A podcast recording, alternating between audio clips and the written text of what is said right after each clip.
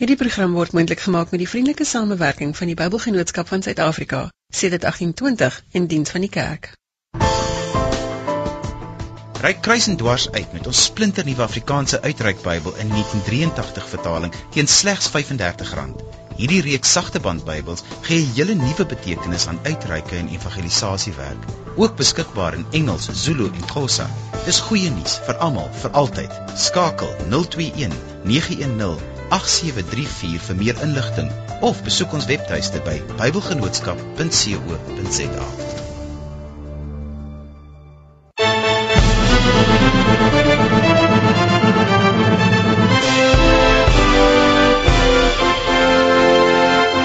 Goeienaand van my Johan Simenter. Jy luister na Kruis en Dwars, jou godsdiensgespreksprogram op RSG 100 tot 104 FM.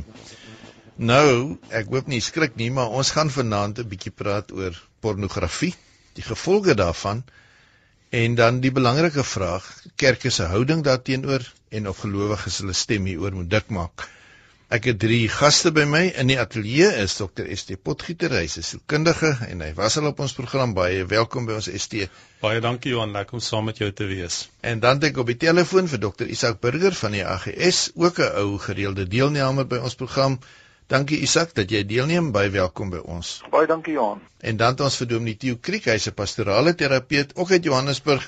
Baie dankie Tieu dat jy deelneem. Jy is 'n terapeut wat spesialiseer in seksuele verslawing, nie waar nie? En dis reg, ja. Isak, ek gaan by jou begin. Rukkie terug was daar sprake dat 'n publieke televisiekanaal laat nag pornografie wil uitsaai en daar was 'n hele klomp protes van Christene in besonder geweest waaronder jy ook. Hoekom is dit vir Christene so 'n belangrike saak? Ja, weet jy, Johan, ek dink eers moet mense net sê dat die beswaar wat ons en ek spesifiek ook aangeteken het, nie gesien moet word as net spesifiek teen teen 'n televisiekanaal nie. Uh ek besef dat dat waarskynlik is die hoofbron van uh, pornografie vandag nie meer die televisie nie. En dit kan in elk geval tot 'n mate ten minste uh veral vir die mees kwesbares in die gemeenskap, naamlik ons kinders kan tot 'n groot mate beheer word. Ek dink jy besef dat pornografie word veral deur die internet en en en deur die, die, die hele selfoon uh netwerk geweldig misbruik.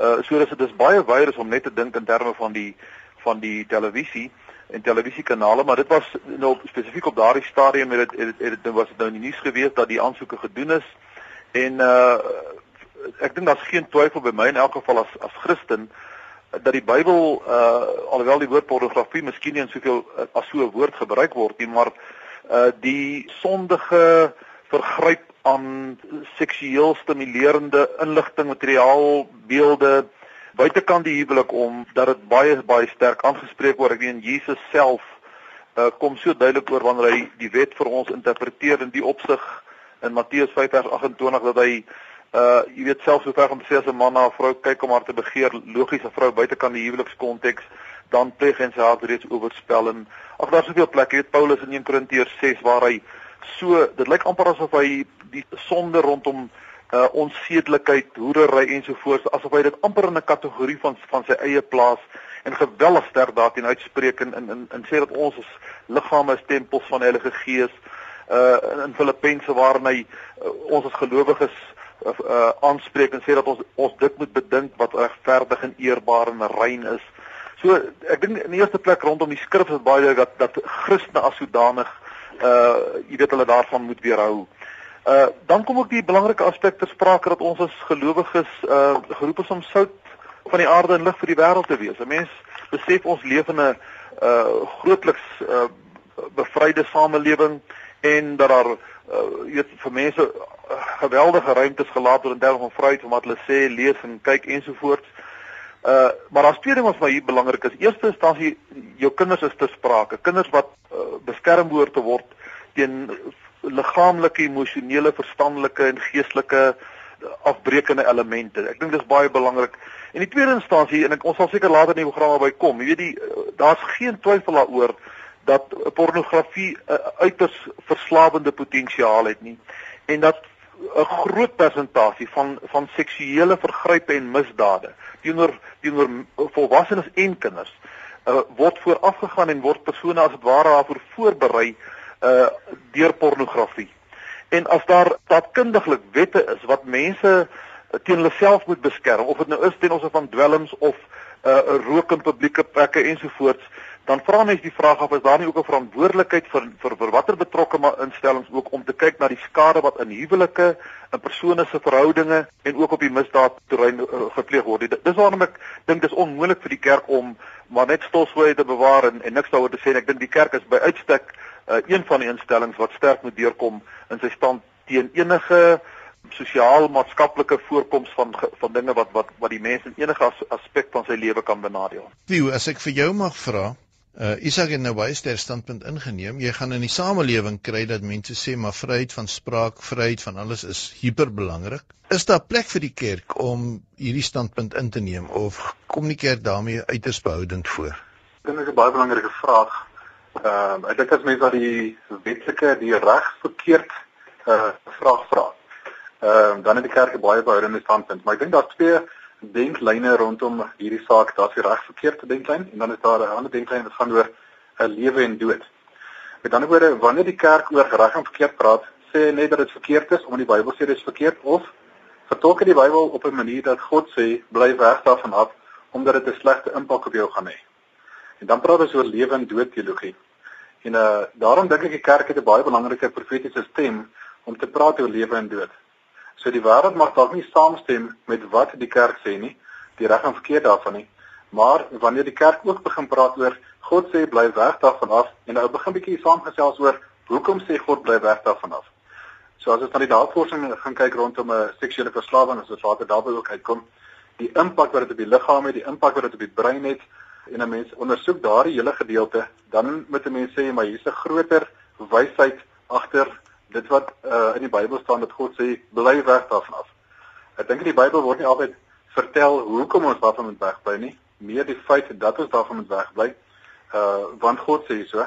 Maar ek dink dit is nodig om bietjie meer te praat oor hoekom dink ons wil God hê ons moet daarvan wegbly? As hy wil hê ons moet veilig wees, want hy sê God wil wil hê ons moet veilig wees. So dan sê hy sekere dinge, hy lê sekere riglyne neer ter wille daarvan dat ons veilig sal wees. En uh dan het die kerk 'n vaderlike stem wat in die samelewing kan inpraat en sê, "Goed, ek sien jy wil vryheid van spraak hê, maar weet jy wat die konsekwensies daarvan wees? Gaan wees. Weet jy wat gaan die gevolge daarvan wees?" En op 'n paste rade manier kan ons dan die wêreld begelei om te sê, "Uh hier is die gevolge, hier is die impak, daarom sê God die volgende dinge." Estie, as ek vir jou kan vra wanneer jy nou uh kliënte kry wat sukkel met met uh, pornografie en veral binne die kuberruimte dan verslaaf raak. Is hulle Christene of nie Christene oor die algemeen of is Christene onderskeibaar in terme van skuldgevoelens oor die goed? Is daar mense waarom dit laak om sit almal met skuldgevoel daaroor? Oh, ek dink meeste het maar skuldgevoel Johan, ehm um, en definitief, daar's baie Christene wat ook uh, sukkel met pornografie. So ek dink pornografie is 'n uh, uh, faset wat regdeur spoel deur die gemeenskap wat almal betrek uh, en ek het nou die dag gelees in in die Amerika die statistiek dat 30 tot 40 miljoen mense besoek per dag 'n pornografiese webwerwe. So dit is 'n geweldige hoeveelheid mense wat betrokke is by pornografie en dan sit op die ount met die skuldgevoelens. As ons nou vinnig dan moet kyk vir as jy nou met 'n gesin moet werk of wat ook al en een van hulle sou verslaaf, watter impak het dit op die huwelik en op die gesinne? Die impak daarvan is 'n uh, eh, is baie groter as wat mens dink. Kom ek kom ek vat die voorbeeld van dat iemand in die gesin na pornografie kyk. Uh kom ons sê vir hom stel die man kyk na pornografie en die res van die gesin weet nie van nie. Want dit is baie keer die uh, ding dat ek in anonimiteit niemand se daarvan weet nie, dit maak niemand seer nie. Wanneer ek na pornografie kyk, dan vat dit 'n deel van my kapasiteit vir verhouding weg. Met ander woorde, 'n groot deel van my kapasiteit gaan in die kyk van pornografie in en uh daai kyk van pornografie het 'n impak op my wat uh my vermoë om emosioneel intiem met my vrou te wees al hoe minder maak. Met ander woorde, die verhoudings, my die plesier wat ek uit my verhouding met my vrou sou kry, neem al hoe meer af. Dit dit verminder omdat ek die plesier op 'n ander plek soek. Is dit ook omdat mense dan naande te hoë verwagting het van van wat jou vrou moet lewer. Dit dit is natuurlik 'n ander ding, want dit wat jy op die pornografie sien is daar min uh, mense in die samelewing wat kan namaak wat jy daar kan sien. Die ander ding is ook natuurlik wanneer 'n uh, persoon na die pornografie kyk, dan soek hulle na iets ideaal. Uh so dis ook geen man kyk net na een prentjie en staar uur in 'n een prentjie nie. Hy kyk na honderde honderde prentjies. Want as hy soek na 'n 'n 'n fantasie, 'n een persoon en daardie een persoon is moet 'n uh, gewoonlik vir die persoon wat dan kyk iets doen om homself of haarself beter te laat voel dalk oor gebrokenheid, dalk oor stikkindheid wat binne is, dalk oor emosionele pyn wat sy saamdra. En nou daarom projekteer hulle dan daai on, daai onrealistiese verwagting van dit wat hulle sien in die pornografie op die vrou en sy kan nooit daarby uitkom nie. Vrouens kyk ook. Uh, vrouens kyk na pornografie baie keer saam met hulle mans. Uh sommige mense sê uh gee die raad dat as jy die um uh liefdeslewe wil verhoog, kyk saam met jou man na pornografie, wat ek persoonlik 'n baie slegte raad is. Daar kyk vrouens ook. Ek dink die vrouens het 'n groot behoefte om na naakprentjies te kyk nie. Playboy het op 'n stadium 'n play girl uitgebring met naakfoto's van mans dit glad nie verkoop nie.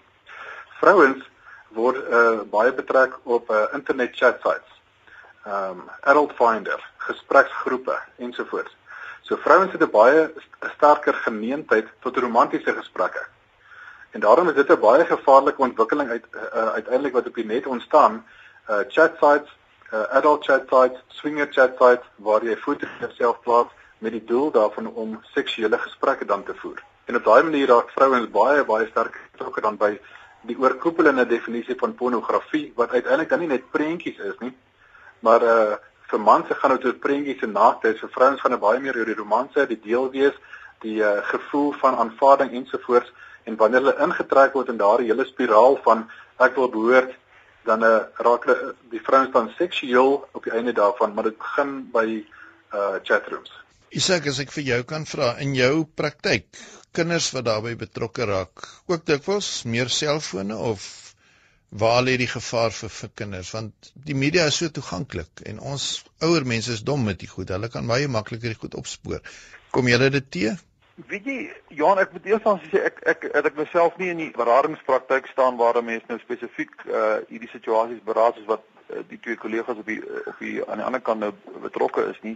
Jy weet mense maar te maak met algemene terugvoer wat jy kry. Wat ek wel vir jou kan sê is dat uh kerklike navorsing wat wat gedoen is in Suid-Afrika en in Amerika dui daarop dat 'n dat dat 'n is 'n kommerwekkende uh persentasie nie net gelowiges nie maar selfs uh, predikante dominees in die geheim daarmee worstel. En natuurlik, ek weet dit is dit is ek dink redelike algemene kennis jy net die die die algemene media kyk dan sien jy hoe in watter maniere en op watter watter uitdagende maniere kinders deur middel veral van van van van selfone en en MMS uh, jy weet uh, die die klasgoeders uh, kommunikeer maar ek ek moet onmiddellik sê ek is nou nie in op daai terrein as ek nou nie ekspert oor die oor die persentasie voorkoms en die mate daarvan nie maar dat dit 'n realiteit is in ons samelewing dink ek nie met 'n mens enigstens illusies oor hê. En die hele aangeleentheid oor naaktheid. Uh vroeër was die liggaam altyd met die vrye blaar bedek. Deesdae sal jy self sommer in 'n gewone tydskrif naaktheid kry. Dra dit by Isak tot uh tot die gewildheid van pornografie. Die respek vir die liggaam en die heiligheid van daarvan 'n bietjie verdwyn in ons samelewing. Ja, dit sekerlik, jy weet, en ek dink uh, baie keer wil mense nou uh voorgee dat dit nou uh dit dis wat dit is hoe dit aan die begin was en dat dit ek weet dat maar in die in die in die boosheid van 'n mens se gedagtes en inderdaad die feit is van die is dat mense te maak met met 'n met 'n verdorwe natuur en 'n geneigtheid en is ek weet dit is amper mense kan amper sê in die algemeen dit is normaal dat gevalle mense met 'n sondige natuur uh, deur die goeters uh, gefassineer en aangetrek sal word. Jy weet ek dink net daaraan dat dat die die, die tragedie is dat die die hoof engine en dryfkrag van die hele pornografie industrie uh, gaan om geld dis geld wat groot magnate dryf om om hierdie pornografiese webwerwe en en en tydskrifte te publiseer. Dis geld wat maak dat dat vroue en sekerlik mans ook bereid is om om tot die uiterste te gaan om om uh, uh, kykers te lok. So die hele pornografiebedryf word materialisties gemotiveer en natuurlik as ek sê, jy weet dit is een van die mees uh sterkste geneigtheid by die sondige mens en sy sondige natuur waarvoor Christus tog gekom het om te sterf om ons te verlos van uh, en en en ons in ons sy natuur te gee en ek meen niemand sal sal enige vraag hê daaroor dat dat pornografie en die betrokkeheid daarvan kan tog nooit tot eer van God wees nie. God het 'n konteks geskep waarbinne 'n mens die seksuele kan en mag geniet en jy sal nooit hoor of dink daarom van 'n praat waar 'n man en vrou natuurlike liefde beoefen, natuurlike seks beoefen binne die raamwerk en van die huwelik dat mense ooit daarna sou verwys as pornografie. En die pornografie impliseer 'n buitehuwelikse, buitebybelse, onsedelike uh, betrokkenheid. Steve, ons het nou gehoor wat Isak sê. As jy nou met 'n paartjie moet werk, is dit nogal baie moeilik ook vir ongetroude mense om nou daai streep te trek van wanneer is seks nou heilig en wanneer is dit onheilig. Is dit net die huwelik wat dit doen of hoe moet mense dan na kyk want dan die ek herinner my 'n telegram wat iemand eendag vir 'n ou gestuur het wat getrou het het hy gesê wat gisterand sonde was is vanaand jou plig. Maar hierdie spanning tussen ek kan nie my liggaam voluit uitleef nie, ek moet wag of so, speel dit 'n rol dat mense dan ontvlugting gaan soek op ander plekke. Ja, absoluut. Uh, Johan, ek dink die probleem is dat die seksuele drang is deel van 'n mens soos wat jy honger word, het jy ook 'n seksuele behoefte. En ek dink as daai spanning wat in jou kan opbou en dan as jy nie getroud is nie en die kerk sê jy mag dit nie doen nie, dan bou daar 'n spanning op en hoe hanteer jy hierdie seksuele uh, spanning wat in jou al hoe sterker word? Ek dink ons het ook nie uitgekom regtig by die punt wat is pornografie nie.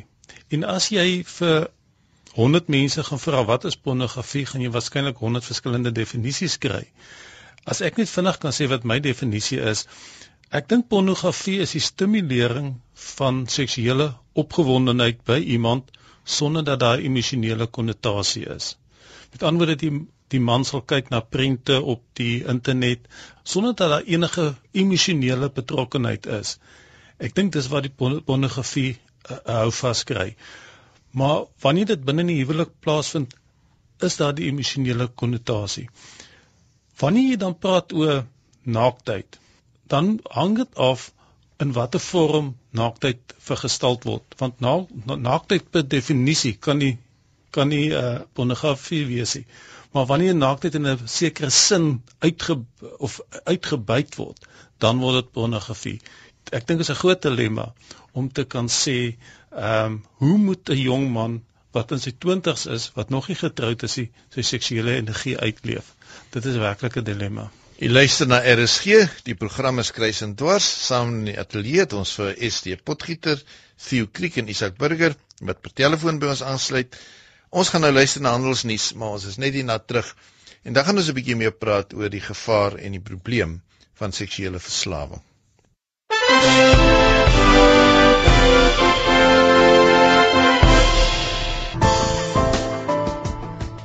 Besoek vandag www.bybelgenootskap.co.za vir gratis selfoonbybels, gratis Bybelhulpmiddels, vir gerieflike Bybelaankope en kopkrap Bybelvasvrae vir die jongste Bybelgenootskap nuus en om Bybelwerk te ondersteun.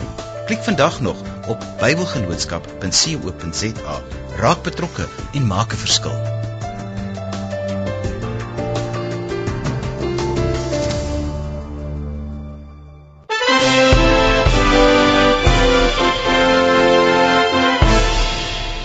Welkom terug. Jy's ingeskakel op RSG en vanaand in Kruisendwars gesels ons oor pornografie en hoe gelowiges die slaggat van verslawing kan vermy. Heel waarskynlik ook nie net gelowiges nie, dit is iets wat ons almal tref. Matthew, jy werk besonder daarmee. Hoe raak 'n mens nou verslaaf aan so iets? Is dit maar soos enige ander soort verslawing, selfe kenmerke, selfe patrone? Selfe kenmerke, selfe patrone. Daar's twee lyne van hoe mense aan pornografie verslaaf raak. Een lyn is dat uh, daar agtergrond issues is.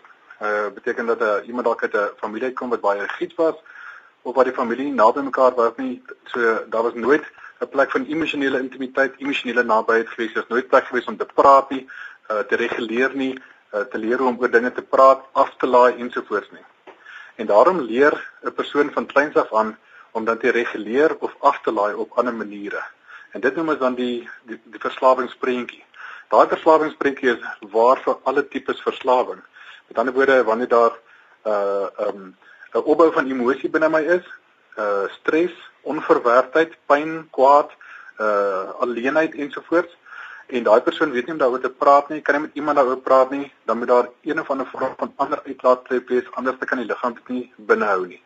En dit is waar die verslawingskomponent kom dat sommige mense begin drink, seksueel aktief raak buite die huwelik in pornografie byvoorbeeld, ehm um, uh inkopies, uh, shopaholic, uh dobbel ensovoorts ensovoorts ensovoorts. So daar's 'n klomp verskillende maniere dan hoe die liggaam uh ontslaa raak van daardie spesifieke opgehoopte ehm um, emosionele energie, uh pyn, onverwerkte ensovoorts. Die tweede manier waarop mense by uh, pornografie verslawing betrokke raak is oor die beskikbaarheid. Ons ons praat daarvan ehm um, dat dit uh dis beskikbaar, ehm um, dis anoniem en dit is uh, dis baie goedkoop. So jy kan enige vorm van pornografie op jou selfoon op rekenaar kyk sonder dat jy 1 sent daarvoor hoef te betaal. En God het ongelukkig gelukkig of ongelukkig man so gemaak dat wanneer ons visueel gestimuleer word deur 'n seksuele prentjie, skei ons brein dopamien af. En dit maak van ons uh dit maak ons opgewonde, dit maak ons gelukkig, dit maak ons geluksalig. Wanneer ek in 'n huwelik na my vrou kyk, dan is daar 'n mate van dopamien afskeiding wat God so bedoel het uh sodat daar 'n geluksaligheid binne die huwelik kan wees. Maar wanneer ek na pornografie kyk, prentjie na prentjie na prentjie, video's en ander dinge wat jy daar op internet sien, dan is die mate van dopamien afskeiding wat in die brein gebeur heeltemal onnatuurlik. Met ander woorde, baie meer word afgeskei as in normale omstandighede. En omdat dopamien 'n uh, endorfien is wat die brein aangenaam is om te ondervind, raak die brein afhanklik van die hoeveelheid dopamien wat afgeskei word. En daarom kan iemand aan internetpornografie verslaaf raak. Eintlik is die vraag, raak hy verslaaf aan die pornografie of raak hy verslaaf aan die dopamien afskeiding wat in die brein gebeur na aanleiding van die kyk van die materiaal. Met ander woorde, die materiaal is 'n stimulant wat die brein stimuleer om al meer dopamien af te skei en dan raak 'n persoon verslaaf aan daai dopamien en dan oor tyd wil die brein meer en meer hê. En daarom sal daar altyd 'n toename wees in die hoeveelheid kyk van die pornografie. Dit werk maar so sjokolade. ST? Ja Johan, uh, as ek dalk net kan aansluit by vir jou uh dit dit is 'n siklus wat plaasvind. Uh baie keer te mense pyn en uh, vir jou het genoem van die kinderjare. Uh jy het 'n pyn van jy is dalk geïsoleer, jy het nie uh die nodige intimiteit uh kontak nie en dan is hier, om die pyn te vervul, gaan jy dan en jy begin pornografie kyk om daai vervulling te kry van die seksuele aspek. En dan voel jy ek doen iets en nou begin ek goed voel om dit te doen en ek voel baie beter. Maar nadat jy dit gekyk het en jy gesit uh, terug dan begin jy weer skuldig voel. Jy voel skuldig om, omdat jy die pornografie gekyk het en dan begin jy pyn ervaar en om hierdie pyn te verlig gaan jy dikwels terug na die ding wat jou wat die verslawing is in die geval pornografie want dit laat jou weer beter voel en na die tyd begin jy weer sleg te voel en jy ervaar weer die pyn. So jy raak in 'n siklus wat dit baie moeilik is om uit te kom. Maar daar's uh, sê nou maar 'n uh, 'n uh, man sal vir jou sê, "Alright, ek het behoefte aan meer stimulasie in my huwelik of wat ook al, dit gaan nie so goed nie." Pornografie help vir my om nie rond te loop nie. Dit doen eintlik niemand skade nie. Ek kyk daarna, ek kan aan slaap daarbey of daarmee leef. My vrou is tevrede. Hoe hoe reageer mens wanneer iemand na jou toe kom en vir jou sal sê dit doen nie regtig skade aan ander mense nie, miskien aan my. Ons het nou nog gesê dat dit die verhouding definitief beïnvloed. Wat is die nadele daarvan wanneer iemand eintlik sê dis die onskadelikste van ek is nou siek, ek kan nie my goed deel nie, maar as ek nou dit doen dan voel ek beter en dit help my om nie rond te loop nie. Johan, ek dink dis 'n ontkenning van die waarheid want want pornografie is 'n kommoditeit, is 'n handelsproduk waar Isak het gesê dit gaan oor die geld maak. En wanneer jy pornografie kyk, neem dit twee dinge uit die huwelik weg. Twee dinge uit jou intieme verhouding weg. En die een is die liefde en dit neem ook die respek weg. Want jy sien nou al hierdie honderde vroumense op op op die skerm en en wanneer jy na jou vrou kyk, dan begin jy dit vergelyk en jy koppel op die ou en hierdie prente aan die seksuele aspek terwyl die seksuele aspek moet tussen jou en jou vrou wees of tussen in 'n huwelik wees. En ek dink dis waar die een probleem wegkom. Mense kan sê maar dit help my, ek gaan nie meer rondloop nie, maar dit dit skaad of doen groot skade aan die verhouding tussen jou en jou vrou. In die begin dalk nie, maar hoe meer en hoe langer jy dit doen, hoe meer skade gaan dit wees, want jy raak later gedesensiteer rondom die seksuele aspek, dit raak nie meer vir jou snaaksie en later wil jy in die huwelik al hoe meer ander gedoen. Dit eskaleer tot ander vorms van seksuele uh, dinge wat jou aptyd gaan gee. So ek dink hoe langer jy daarmee gaan bedry besig wees, hoe groter gaan die skade op die ouend wees. Isak, ek gaan gou na jou hier in die middel van die gesprek kom. Ek kry 'n e-pos van iemand wat vir my sê, "Hoe op aarde kan die kerk oor hierdie goed praat? Dit was eintlik moet dit glad nie op die kerk se tafel lê nie. Ons moet binne die kerk net oor die Here praat." Hoe sal jy so iemand antwoord dat mens tog gaan praat oor hierdie aspek vanuit 'n Christelike oogpunt? Wel, uh Johan, ek ben enigiemand wat die Bybel lees, besef dat Ou en Nuwe Testament uh die mens as 'n seksuele wese natuurlik deur God so geskape is en dat die en dat seksualiteit weet nêrens in die Bybel uh ontken word nie maar dat daar ook baie baie duidelike riglyne is ten opsigte van hoe 'n mens seksualiteit beoefen en in die, in die veilige uh konteks waarin dit beoefen kan word. Hier is my as 'n paar wat ek net wil opmerk vinnig in die lig van wat nou reeds gesê is. In eerste instansie die feit dat dat uh, mense uh selfs nie Christene nie deur skuld geplaag word, dat daar 'n diep gesetelde skuld skuldgevoel ontstaan. Jy weet wat maar net weer eens bevestig en ek besef daar by sommige mense kan die skuld volg omdat hulle weet dat dat hulle teen hulle op uh opvoeding en die normes en waardes waar hulle groot ge, gemaak is ook as as Christene dalk dat dit daarteen bots maar dit het bevestig ook aan die ander kant die feit dat God die mens na sy beeld gemaak het dat dat, dat die mense hom geweet het en al is daai gewete geskend en vermink deur deur sonde is daar nog steeds 'n ek wil amper sê 'n instinktiewe uh aanklag hier binnekant as jy as jy daai grense oorskry.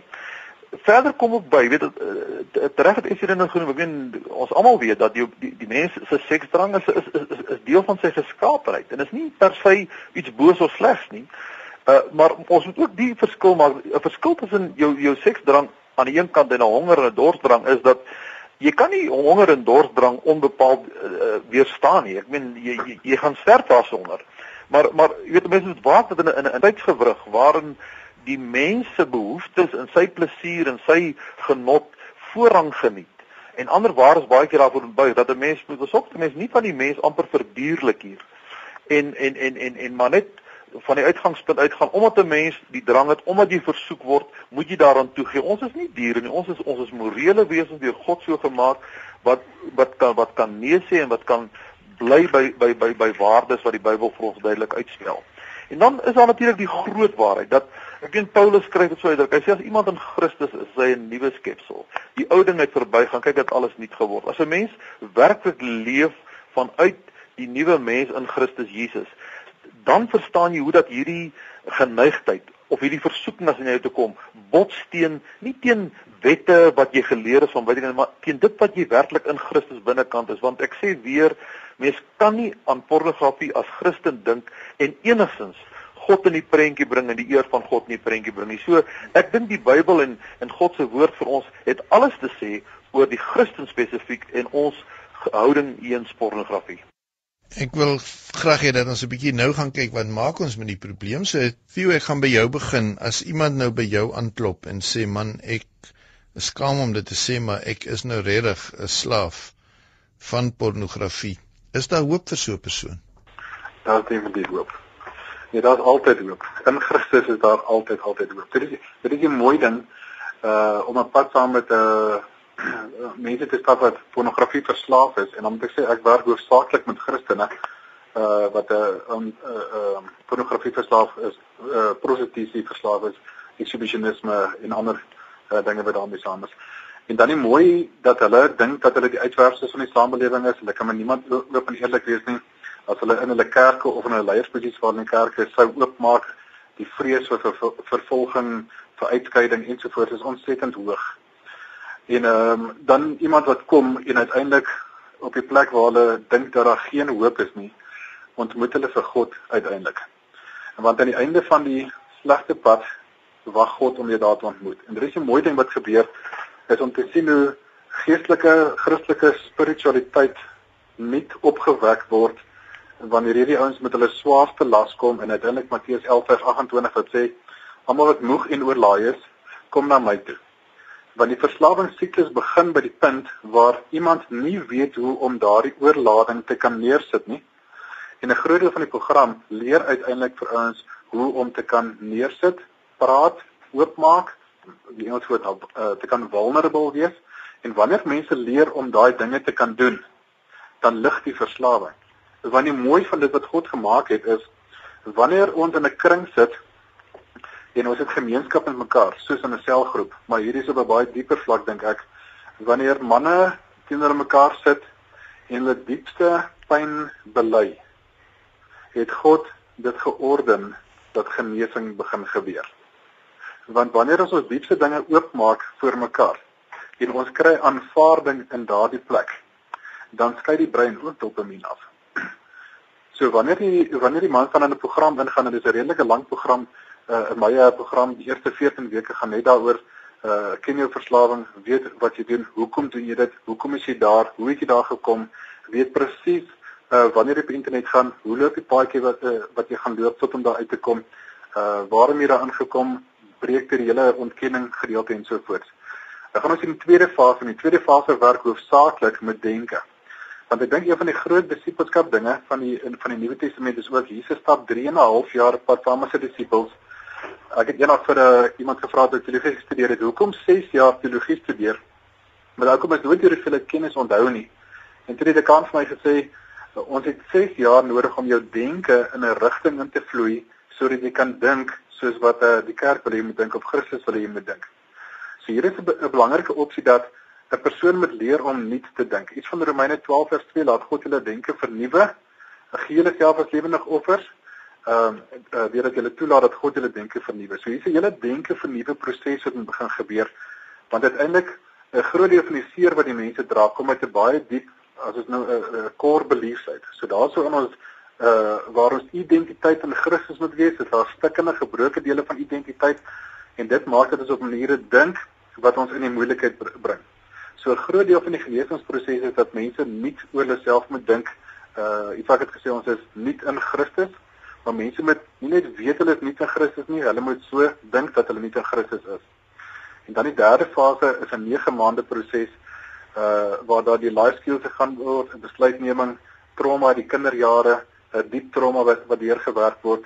En uiteindelik is dit 'n jaar en 'n half terapieproses en daarna moet hulle in ondersteuningsgroepe bly van 3 tot 5 jaar vir daardie wil amper sê daai disipelskap proses om sy volledigheid in te gaan.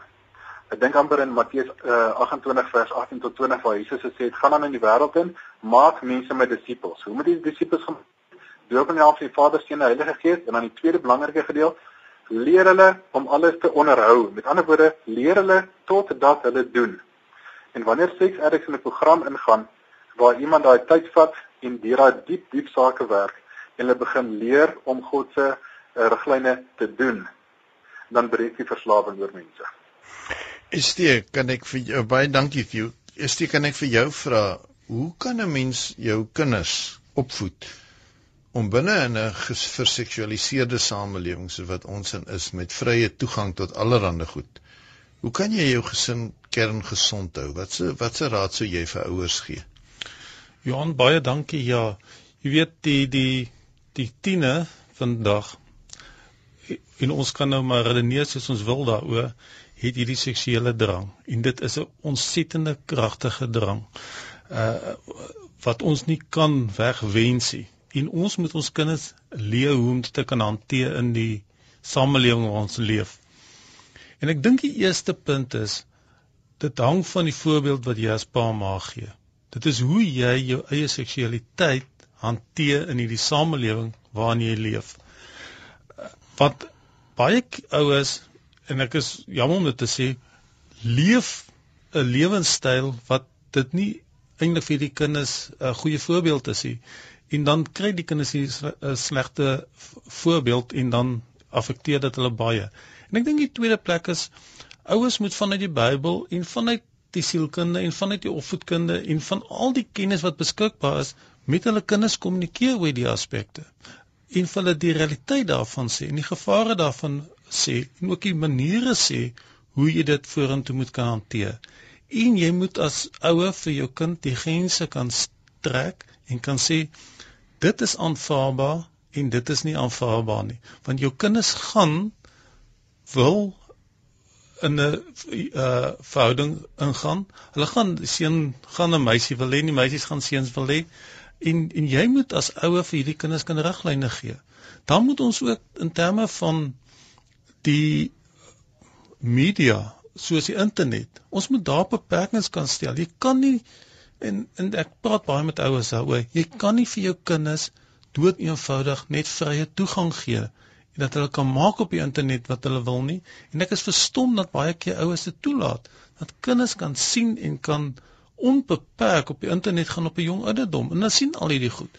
So ek en jy as ou het 'n geweldige verantwoordelikheid om vir ons kinders voorligting te gee, die ons voorbeeld te lei, maar ook die grense te stel binne hierdie samelewing waar ons werk wat jy verwag wat reg is. Maar kinders gaan mos nou in 'n portuïergroep behoort en die portuïergroep het nie altyd daai selfde normes en waardes nie. Hoe help jy jou kind? Isak? Weet jy, ek dink uh Johan die die die raad wat ST nou gegee het en ook die program waarvan jou praat. Ek dink moet moet moet uh, met groot waardering van kennis geneem word en en dit dit is uiters prysenswaardig. Ek dink ons almal besef dat die dat die riglyne, die morele waardes, die konteks, die grense wat wat wat reeds uh, jy weet voor skool amper in 'n kind se lewe vasgelê word, moet ons nooit onderskat die waarde daarvan nie. 'n Mens hoor tog van soveel jong mense gereeld wat te midde van portuur druk uh 'n stand neem uh en en en en en en, en onbeskroomd en onbeskaamd deurkom vir dit wat hulle glo dit wat die waarheid is. En ek dink 'n mens moet hulle versterk op elke moontlike manier. Jy weet ek ek dink uh ons moet ook besef dat ons ons jong mense moet wat genoem is ge, geleer word wat wat beteken disipelskap van jongs af.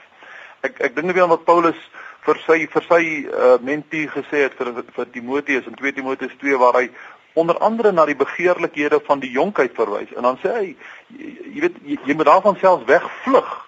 Uh mens moet besef uh, ek vind pornografie is is, is versoeking en is is erge versoeking vandag. En en ek, dit dit gaan dit gaan nie ophou in in in die voorsienbare toekoms dit gaan eerder meer word. Uh en ons besef ook die Bybel sê versoeking kom nie van God nie. Dis dis die bose wat ons versoek. En en versoeking is nie maar vergeet dat ons daarvoor moet val nie. Ek dink ons moet ons ons veral in kerklike konteks ons geleer word, ons jong mense moet geleer word dat versoekings moet weerstaan word. Ons kan dit weerstaan. Ek wil weer sê ons is nie diere nie. Ons het ons ons is geskape na die beeld van God. Ons is morele wesens wat kan nee sê vir die verkeerde. Uh en en en ons moet ook nie beskroom wees om om versekerde dinge te sê hierdie terrein, hierdie hierdie hierdie blootstelling, ek wil liewer hiervan wegvlug uh soos wat Paulus ook vir Timoteus uh raad gegee het. Theo, vertel ons 'n bietjie van ander soorte terapie. Is daar iemand wat met tieners werk? Jy werk nou hoofsaaklik met volwassenes. Is daar 'n program of iets wat vir tieners kan help? Ja, aan die ander kant ons ook in Johannesburg. Dis 'n uh, Dominee Willem Wit. Hy het 'n mixed bediening. Uh hy werk primêr met tieners. Hulle het 'n gesigloose bediening. Dan word hulle kry so 150 tieners op 'n aand wat hulle mee praat op mixed uh om 'n veilige plek te skep sodat tieners uh oor hulle binnewêrelde kan praat. En dan van daar af uh het hulle 'n proses wat hulle um 'n nader kontak maak en dan 'n uh, uh, tieners in berading invat. Maar daaruit wil ek net die volgende sê wat vir my baie belangrik is om aan te sluit by Isak en by by ST is um die nood van kinders om te kan praat oor daai diep goeters. Dan word wanneer kinders dan uh, wel pornografie kyk, het hulle die vrymoedigheid om met pa en ma daaroor te praat. Of gaan hulle net kwaad wees of vergiet wees of uh, afjak of net sê kinders van die Here doen nie sulke goeders nie. Uh en ek dink dit is baie belangrik wat ehm um, uh Dominee Wit hulle reg kry is hulle skep 'n forum, 'n platform, 'n veilige ruimte waar binne jy jou diepste, moeilikste vrae uh dinge kan kom stel en vra vra. Wanneer die gesin weer terugkom, ek wil amper sê Ons westerse samelewing is so gefragmenteerd raak. Pa wat so laat werk, baie weg van die huis af. Elkeen is in sy eie rigting. By baie uh huise is daar nie meer 'n gesamentlike etenstafel in die aand waar ons kan saam sit en lag en uh, gesels en mekaar deel en omgee en en so aan. Baie uh, gebeur voor die televisie. So daar is daai ruimte wat God eintlik bepaal het waar daar 'n diep aanvaarding moet gebeur binne 'n gesin, 'n openheid, 'n mentorskappe, deurpraat Omdat dit afwesig raak in die gesinne al hoe meer, raak die krisis onder die jeug al hoe groter wat pornografie aanbetref. So ek dink hulle wil doen 'n ongelooflike goeie werk uh om tieners te bereik om eerste gesprekke met hulle te voer en om uiteindelik in 'n verwysings uh, uh um uh patroon in te sit waar hulle hulp kan kry. Partykeer ook anoniem van die ouers omdat as die ouers daarvan uitvind uh sal hulle so kwaad wees of ooreageer of nie op 'n plek wees waar hulle kan hanteer nie. So dit is 'n baie moeilike ding. Maar ek dink daar is 'n um, uh, plekke wat spesifiek dan werk met tieners uh rondom seksuele probleme, seksuele verslawing ensovoorts. Ek wil graag baie dankie sê aan my deelnemers. Eh, ons sou nog baie lank kom praat en ek dink daar's baie vrae by die huise ook. Maar baie dankie aan Isak, aan Theo en aan ST vir julle insette, julle insigte en julle deelname.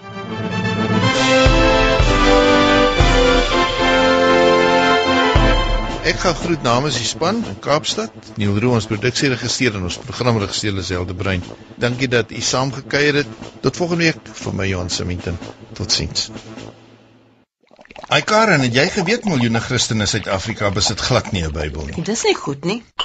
Die goeie nuus is dat die Bybelgenootskap bekostigbare Bybels in al ons landstale bied teen so min as R35. So nou kan enigiemand uitreik en 'n verskil maak. Dis reg.